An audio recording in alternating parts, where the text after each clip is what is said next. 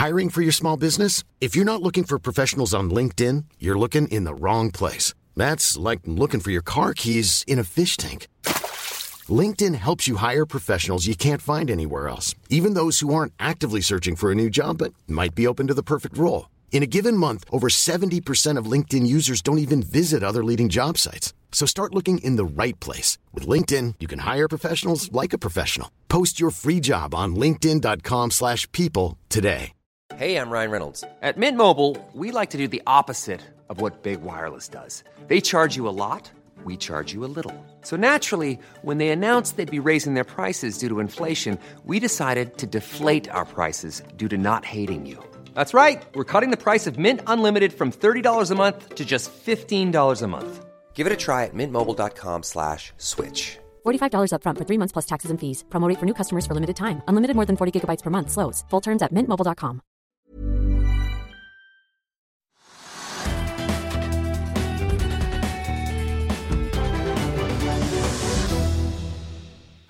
til Økonominyhetene. I dag har vi med oss Marius Wang i Oslo Business Forum, som har avholdt sitt årlige arrangement nylig. Vi skal også ha en oppdatering på DNB-porteføljen, og vi skal ha teknisk analyse av Bonør. Men vi begynner på Oslo Børs. Riga. Ja, det kan vi gjøre. Og markedet er litt opp, ikke mye, ca. en kvart, kvart prosent. Og så egentlig er det, Jeg pleier å si det er en sånn kjedelig dag hvis ikke det er noen sånne drivere blant de store selskapene, og det er det ikke. Og det vi ser også at Oljeprisen, til tross for at det kanskje er sånn viss usikkerhet i markedet fordi det kan komme et nytt angrep i Saudi-Arabia fra Jemen eller fra Iran, og da vil oljeprisen gå rett opp. Men til tross for det at det ligger en underliggende usikkerhet om at det kan skje, og som da på en måte egentlig skulle presse prisen litt opp, da, så ser vi at oljeprisen den bikker nedover. Ikke mye, bitte, bitte litt. Og nå er det så vidt da Brenton er på pluss av 60 dollar per fat. Og sannsynligvis så vipper den under 60 dollar per i løpet av kvelden. Og det gjør da at de, de tradisjonelle oljeaksjene, sånn som da Equinor og Aker BP, de er litt ned, ikke mye, en halv prosent. Men det er liksom det, de aksjene som er da avhengig av oljeprisen, eller korrelerer med oljeprisen, de er litt ned. Og det mener jeg er riktig. Det snakket vi om på fredag også, at den tendensen er i markedet. Så det er ikke mye å hente hos oljeselskapene eller i offshoreselskapene. Så Det er den ene siden av det. Så det, det, det er den store driveren i markedet kunne være. Eller kunne det være selskapsnyheter av en eller annen art blant de store selskapene som drev da liksom markedet opp, enten på industrisiden eller på oppdrettssiden. Men det har vi heller ikke i dag. Men vi har noen morsomme aksjer. så vi har jo Funcom. Ja, vi har Funcom, som er på en måte et selskap som jeg syns Skal ta det med en gang? Ja, det tar vi gjerne. Du er veldig god, du er veldig god på den, du òg. Men altså, det er jo et selskap som vi har fulgt i mange mange år. Og, og et selskap som bare har hatt store problemer, har ikke fått det til. Og hver gang de har annonsert nye spill, så har da kursen gått opp. og Så, så blir det ikke noe av, så kommer ikke spillet, og så går kursen ned. Og det holdt, Sånn holdt det på i flere år. Og så var også Funcom involvert i en av de veldig kjedelige sånn innsidesaker som har vært på Oslo Børs, som ikke er bra i det hele tatt. og hvor det er faktisk en av de aktørene som Han satt i styret i Funcom, jeg er ikke sikker på. Men jeg er iallfall nært knyttet opp til Funcom og et av eierselskapene. Og det, Der ble tre-fire personer siktet for innsid, grov innsidehandel i Oslo. Og To av dem ble dømt, og, igjen, og de fikk rundt, ett års fengsel hver. Så det har vært sånn mye dårlige, altså Funcom har på en måte av den grunn ikke interessert meg noe særlig. fordi det er lite selskap, dårlige resultater, vanskelig utvikling. Skuffet markedet hele tiden. Og så plutselig i dag så kom meldingen om at hovedaksjonæren, som da eide en tredjedel av selskapet, har solgt dette kinesiske selskapet. et kinesisk storselskap som ikke jeg kan noen ting om, men som da åpenbart er blant verdens ti mest verdsatte selskaper hvis vi ser på market value market cap, og det, det kan være det er ikke sjekket. Har bare tar for gitt at det, når noen sier at det er, at det kinesiske selskap som driver internettselskap og med spillselskap og masse annet, at det er så stort at det kan må være positivt for, for Funcom. Og de har da kjøpt kontant den tredjedelen. Og Da lurer alle selvfølgelig på om de skal kjøpe resten en eller annen gang, og når skal de kjøpe det, om de har en underliggende avtale om å kjøpe mer. Eller om det er liksom, de er en ordinær minoritetsaksjonær som kan da bidra med kontakter eller bla, bla, bla. Og det er et selskap som ikke jeg har forstått det, som da på en måte tenker seg over tid å bli et sånn Disney-selskap med masse innholdsproduksjon. Og, og, allment og i stor bredde. Så det må jo være bra for Funcom. Og, og da føyk Funcom-kursen opp 20% men ikke mer heller. Altså, du må ta hensyn til hva da kineserne betalte. Men hovedaksjonæren har da liksom åpenbart funnet at dette er bra. Nå stikker jeg av, får godt betalt, eller rimelig godt betalt for det jeg har vært, vært med på. Og selskapet er relativt lite også. Men det er en stor sak i det norske markedet i dag. Jeg tror Hans Peter Jepsen er ganske fornøyd med å komme ut på 15 kroner 75 øre. Ja, det tror jeg. Og, fått, og fått inn Tencent som ja, og, største aksjonær. Ja, Hvor langt ned har det vært? Godt spørsmål. Jeg Den tror har vært langt nede, men det har også vært over 50 kroner. Ja da, det husker jeg også. Det var da noen av disse her innsiderne solgte eller sånn, og det var, ja, ja. Men, men at, at en stor utenlandsk aktør eller selskap kjøper Fedcom, en tredjedel av Fedcom, det er bra. Det er ikke sikkert de har sett på PE, for den er over 30. Ja, det, det, det tror jeg ikke de ser på. Jeg, tenker, altså, jeg har forstått det slik, og jeg kan ikke det selskapet, derfor er jeg litt tilbakeholden med å si noe om selskapet. Det Tencent det heter? Eh, men at de da på en måte kjøper seg ofte opp i, i minoritetsposter. eh, Og ikke nødvendigvis skal ha kontrollen og legge øh, begge hender på rattet, men da er minoritet, følger med og kanskje da kan gi kontakt, de kan være med på utvikling i fellesskap osv. Så, så han som kom ut, han var sikkert heldig. Og selv om du sier det var oppe 50 kroner, for det husker jeg det var den verste tiden, da, da kursen ble drevet opp av forventningene om et nytt spill som skulle erobre verden. De gjorde det aldri. Eh, og de skulle tjene masse penger. De gjorde det heller aldri. De har 20 spill og holdt på siden 1993. Ja, men de har holdt på lenge, men har de tjener de penger? Nei. Nei. Så, Så vidt det er bitte lite Ja, grann. ja, eller Når du har en PE på 31, så er det bitte lite grann. da. Altså, de har, de har gitt opp, men jeg syns det er morsomt at de fikk det, altså, at det kom et oppkjøp. For det er også da et signal om det norske markedet at det, er, det kan være andre selskaper på Oslo Børs som da lever sånn litt dårlig liv, svakt, svakt liv, og som da plutselig kan bli kjøpt opp av store selskaper. Og akkurat nå for tiden så er internasjonalt så er det en trend til å kjøpe innholdsselskaper. Altså Netflix konkurrerer med Disney og, og fire-fem andre selskaper sant, om strømmetjenester, og der, der må du ha innhold. Altså Du må ha innhold, og da er det en tendens til at mange selskaper som er i samme bransje med spill og filmer og innhold, kjøper da opp på store selskaper bare for å få dem. For det tar for lang tid å utvikle dem selv. Altfor lang tid. Så aksjen gikk opp til 15 kroner og 80 øre, men så er den tilbake litt som rundt Nei, den var opp 20 Nei, den var opp 20 Ja, Ja, ja, Og nå er den nede på 15, Ja, 15 kroner og 9 øre. ja, men det er en morsom sak på Oslo Børs i dag. En, på en kjedelig dag i og for seg, så er det en morsom sak. Og så var Hidden Solutions. Ja. Den kan du også sikkert masse om, men Det er ingenting igjen i det. men, men der hadde Finansavisen en kjempegod artikkel på lørdag. Så de som var, leste Finansavisen på lørdag, en, fikk et godt innblikk i et selskap som er en ganske morsom konstruksjon. Og så, hvorfor jeg nevner det, er for at det er et selskap opp 100% i dag. Det er ikke alle selskap som er 100 på en dag. Eh, og, og det er det ingen grunn til. Det på, så det er et selskap som, som gikk dårlig. Drev med sånne kryptogreier i Forsvaret eller et eller annet sånt som ikke jeg kan noe av. Men i alle fall så gikk det dårlig hele tiden. Øystein Tvenge var en, en hovedaksjonær. Kom inn der på såkalte bunnkurser. Torstein Tvenger, kanskje? Nei, Øystein. Øystein Tvenger. Øystein Tvenge. Torstein tror jeg ikke går inn i sånt. Han hjalp broren din, kjøpte noen aksjer på men, men, men Torstein er hardere enn Øystein. Øystein er litt mer sånn fly, flyter rundt omkring. Uh, og så, jeg, jeg lurer på om ikke selskapet gikk konk også? Er en de, det gikk konk. For et halvt år siden? eller? Så de berga holdingselskapet. Ja, så De berget et egne holdingselskap, og det holdingselskapet eier ingenting annet. De splitt- altså Alt er ute. Alle aktive poster er borte. og Så satt de med en kontantposisjon øh, på fem millioner eller noe sånt. nå. Eh, Og så selskapet da skulle selges. Men ikke fordi at de der driver et eller annet, eller kjøper et eller annet, eller er flinke til å lage et eller annet. Men de har ingenting. Så det er et skall som man kan kjøpe. Og så var da hele poenget da at de skulle få en rik kjøper til å kjøpe selskapet. Fordi at denne kjøperen eventuelt skulle bruke dette skallet som et selskap på Oslo Børs og kommer rett inn kommer rett inn og får masse aksjonærer. og rett inn og kan da på en måte utvide aksjekapitalen, hente kapital i markedet på en superenkel måte, sa da Øystein Tvenge til Finansavisen på lørdag. Eh, Og han ville ikke ha noen småselskaper og tull. altså Han skulle ha kjempesvære selskaper som hadde masse penger, som da på en måte var villige til å betale for å få det der skallet som ikke var verdt noe, eh, over natten.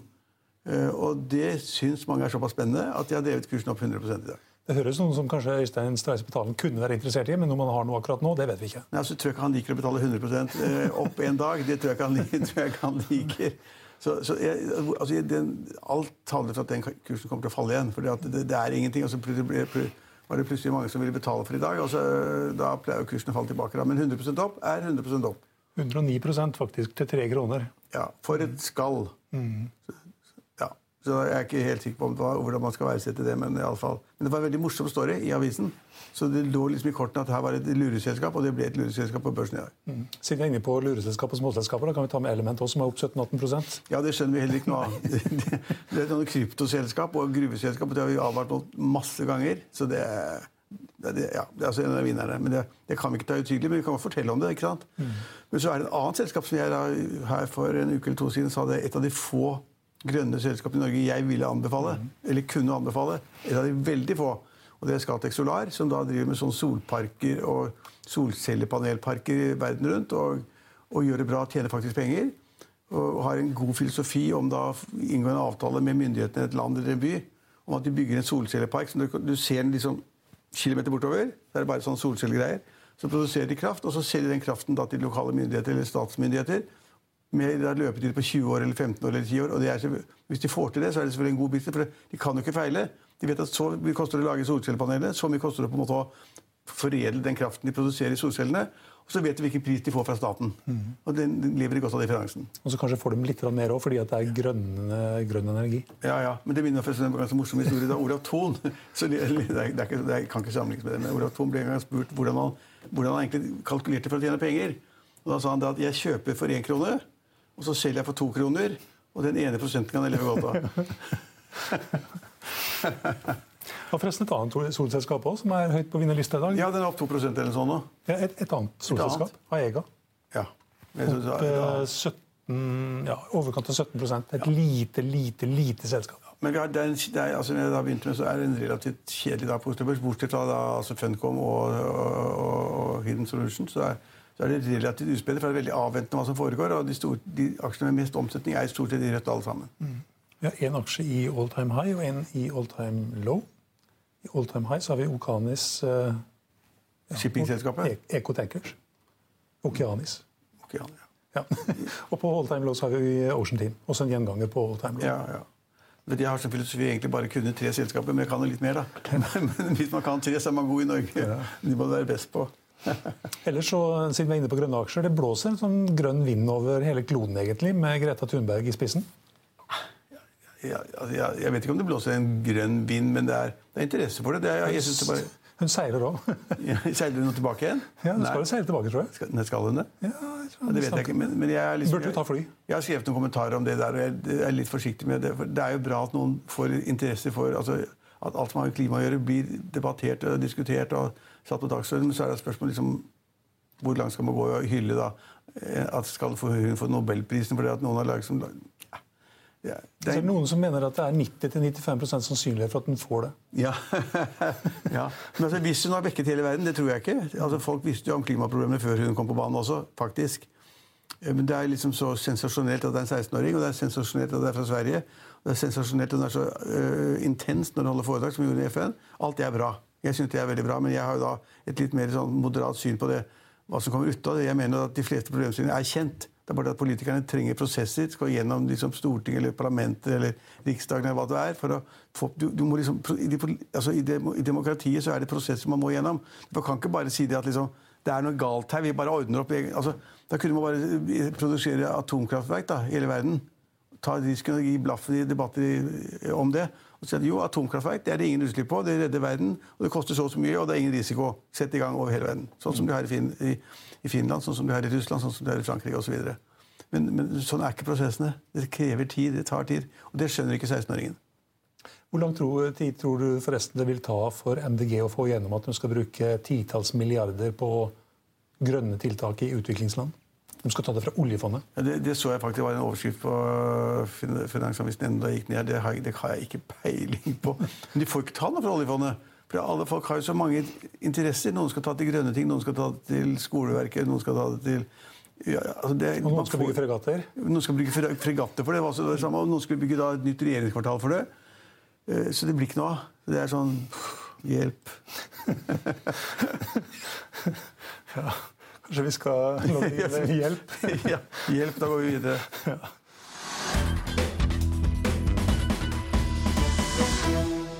Og vi har med oss eh, Marius eh, Wang fra Oslos Business eh, Forum.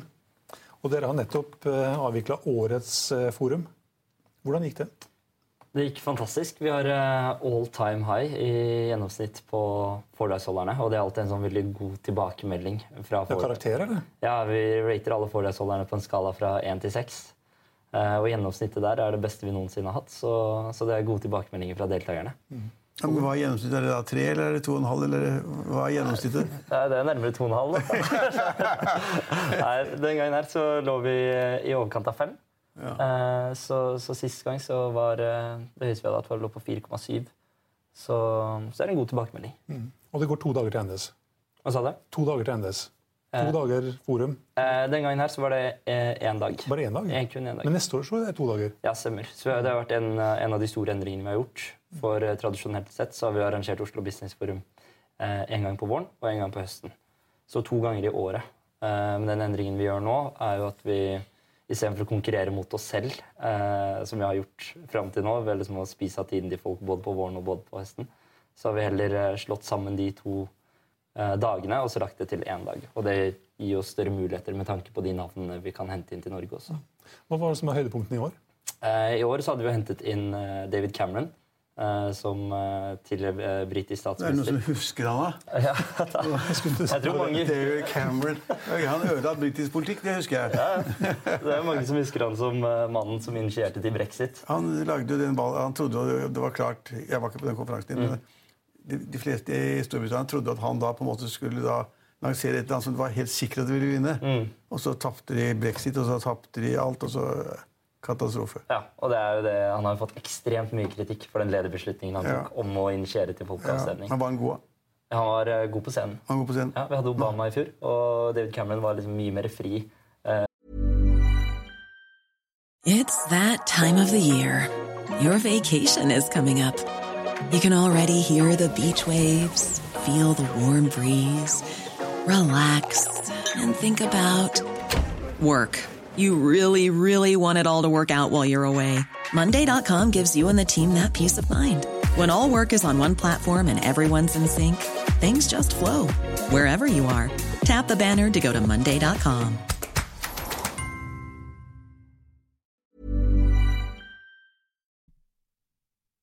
I'll see you in court. Vi sier det ofte litt på spøk, men for deg som driver business, er det aldri moro å innse at du ikke har laget en 100% gyldig kontrakt. Du bør ikke risikere hele firmaet ditt fordi du synes dette med kontrakter er litt stress. En avtale er ikke en avtale. Du kan miste kunder, miste venner, ja, til og med miste inntekter om du ikke lager en skikkelig kontrakt, på alt mulig, egentlig. Men vi vet det er et styr. Kopimaskiner, tregprinter og haugevis av papir. Dessuten stoler vi jo på folk her i landet. Det er ofte litt kleint å skulle be om en signatur for alt mulig, ja, for mye av styret handler også om jakten på underskriften. Det finnes en enkel måte å løse dette på, Dukkobit, en trygg, effektiv og get this, gratis måte å sikre seg en god natts søvn pluss en juridisk bindende avtale.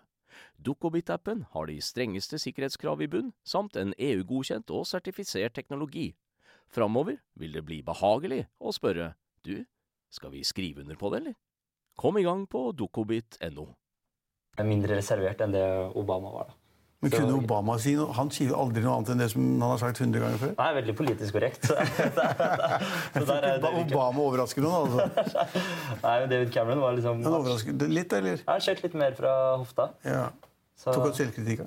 Ja, han legger seg flat på noen områder, men eh, jeg vet ikke. Det er liksom vanskelig å si. Han er jo Jeg tror ikke han angrer nødvendigvis på den beslutningen han tok, men jeg tror også han har sett konsekvensene av det. Han burde angre. Ja. Han satte i gang sånne prosesser som var helt absurde. Mm. Så det er utrolig interessant også for publikum som var der, å høre refleksjonen hans Men hvor, mange- hvor, mange- hvor. Hvor var det på konferansen? 1500. 1500. Ja. Så vi har- lå på 2000 nå i Og de betaler i snitt rundt 5000-6000 for billetten. Ja. Er snittprisen. Men Er det da enkeltpersoner som betaler selv, eller er det bedrifter som betaler for sine ansatte? Eller? Det er bedrifter. Bedrifter ja, i all hovedsak. Ja, for Billetten koster vel sånn 6000, 11 000 og 16 000 eller noe sånt. 16 000! Det er de dyreste billettene. Så men det er Hvor mange billetter har du da på den, på den prisen? Jeg så den ble neste års eh, first class, eller du kaller det. ja, First class, er det du kaller det. Ja. De ligger på, eh, med en lanseringspris på 15 000. Men sitter folk da på første rad? Sitter opp, ser opp på, sitter, sitter på første rad og betaler mest, eller? Ja, men det er, det er helt ekstremt. Fordi den uh, billettkategorien som heter First Class, var egentlig noe vi lanserte når vi hadde Obama her. Eh, da tok vi 25 000 for, for den gjeveste billettkategorien, som inkluderte et bildemann osv. Uh, nå har vi spikret en veldig spennende lineup til neste år, hvor vi får besøk av Arnold Schwarzenegger og Steve Wozniak, som var med å starte opp Apple, som eh, det største tech-selskapet i verden. First Class-billettene nå ble revet bort på ett minutt. 100 stykk Ja, til 15 000 kroner per stykk. 100 stykker. 100 stykker, ja. Men. Schwarzenegger, hva kan han si? Han Er er ikke han ferdig? Han, er, han har jo ledet da, en av de største økonomiene i USA. i Ja, men jeg husker når, De korrigerer meg, men var ikke han holdt ikke han foredrag på SISO-konferansen for tre eller fire eller fem år siden? Ja, Det begynner ikke å bli en stund siden. Ja, det stemmer nok. jeg, jeg, altså jeg innrømmer at han var der. Jeg husker ikke det helt sikkert, men jeg tror det var SISO-konferansen. Jeg tror Petter Stordalen måtte betale foredragshonoraret da, Ja, for, for å få han til å komme. Og hvor mye var det?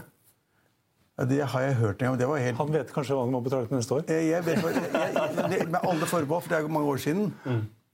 og da tror jeg på en måte, da var Gunhild Stordalen litt involvert i CICERO der, og så betalte han honoraret, tror jeg. Det, jeg tror, Hvis han hører dette feil, så blir jeg så sinna at han sprekker. Men jeg, jeg tror Stordalen betalte tre millioner for den. sånn nå.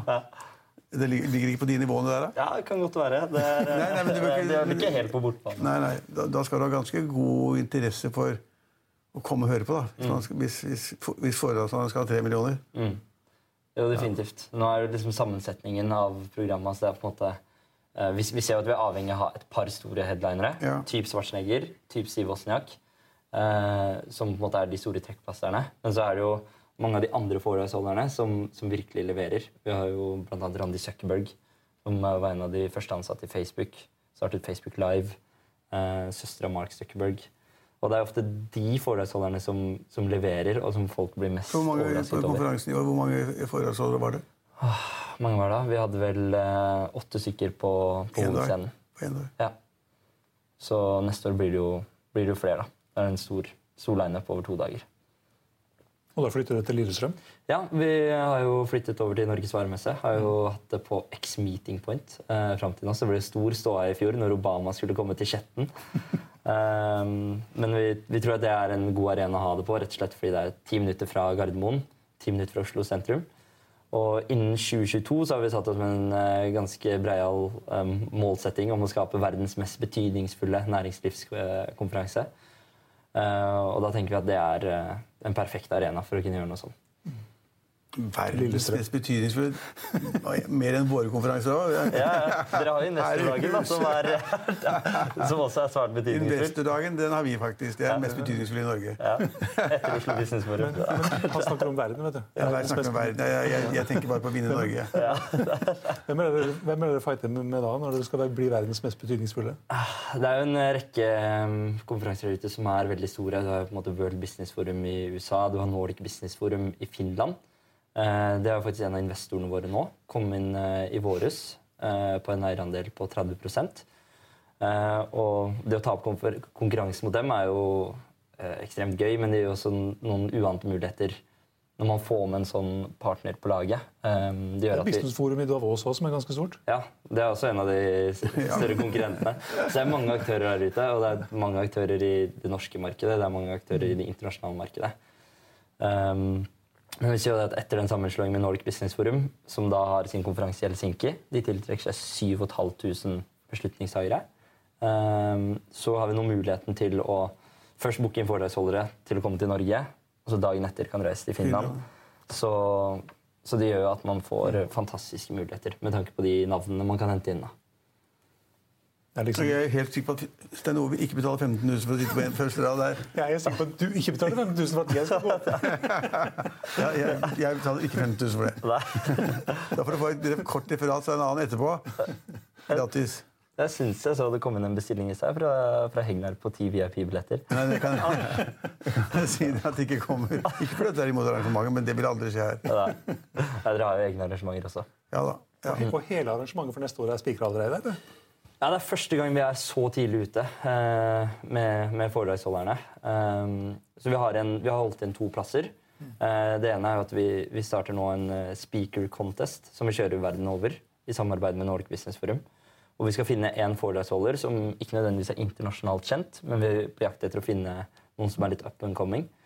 Så da kjører vi um, uh, semifinaler rundt om i Finland, Stockholm, København, Norge osv.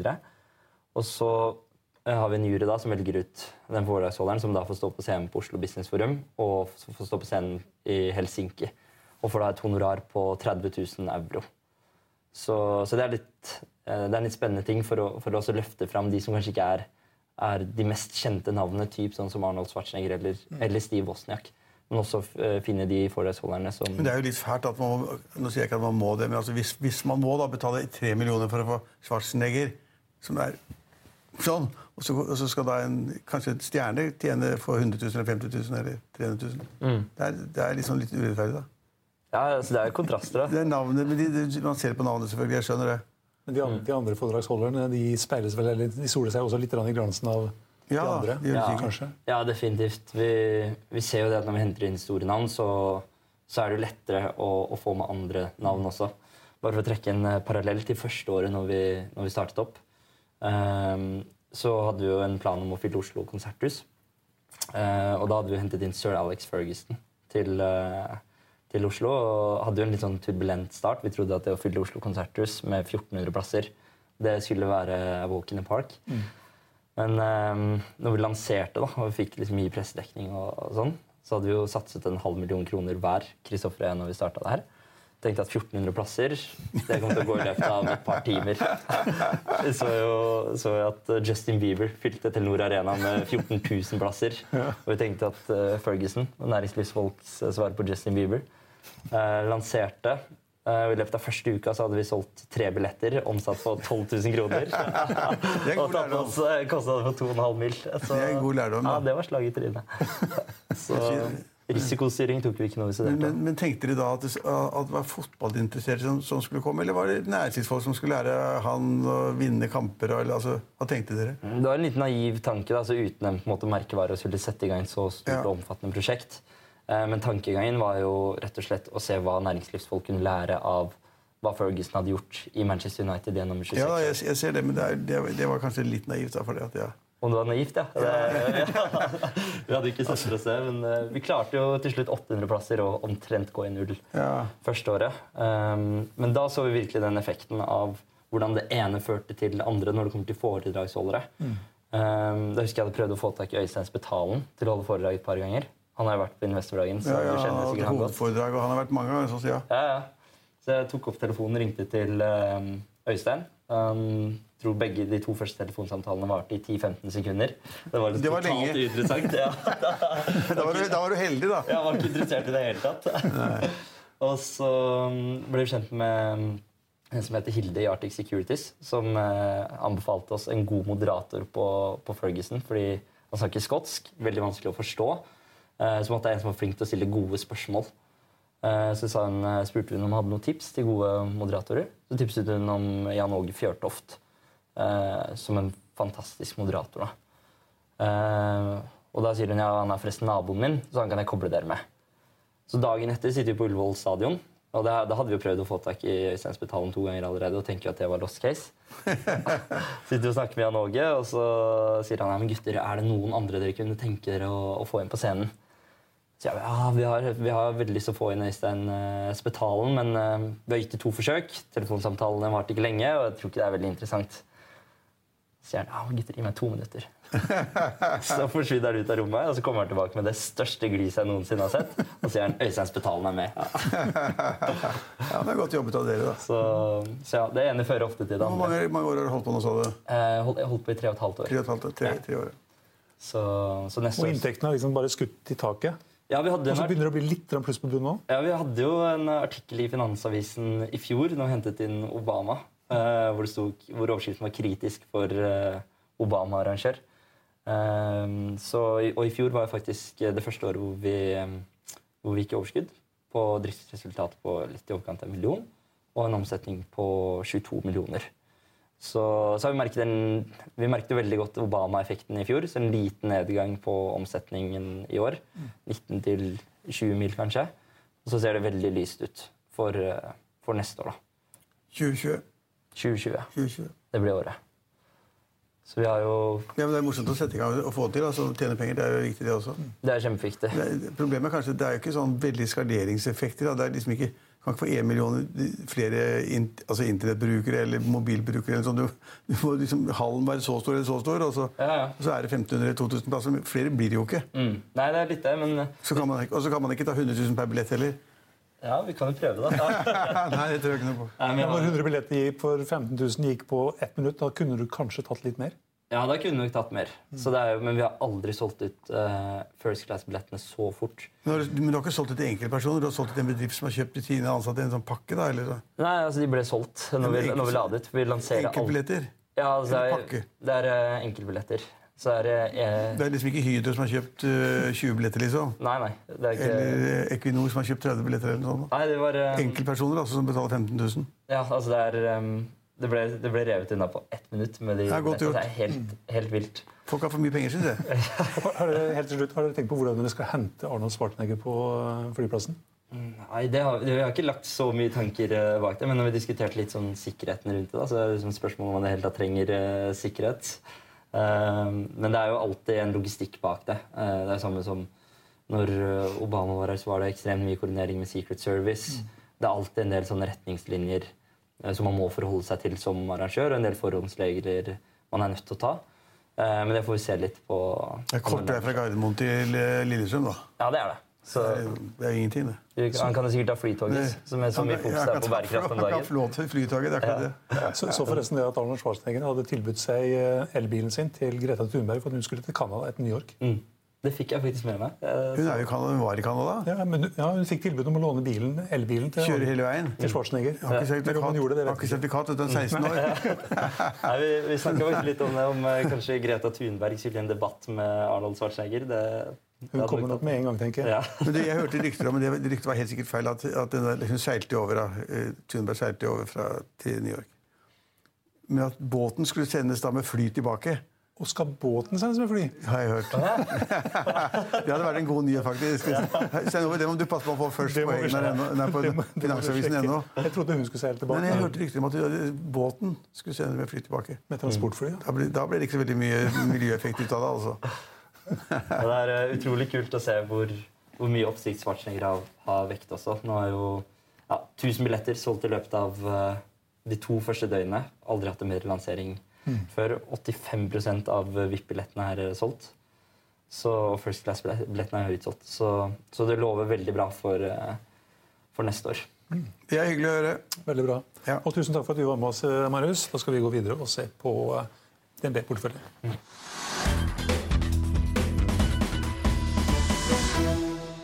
Ja, I Finansavisen i morgen så kan du som vanlig lese Trygve Hegnars leder. Du kan også lese om nordmannen som får innpass i en av verdens mest anerkjente nettbutikker. Og om to aksjer som har steget henholdsvis 100 og 200% der også Jon Fredriksen har mange. Husk også at du kan høre våre børskommentarer og gjesteintervjuer på vår podkast. Den finner du på finansavisen.no. slash podcast. Det var det vi hadde for i dag, men vi er tilbake igjen i morgen klokken 15.30. Følg med oss igjen da.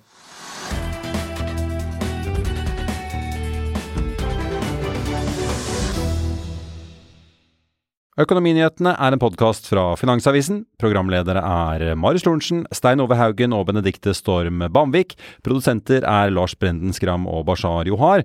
Og ansvarlig redaktør er Trygve Hegnar.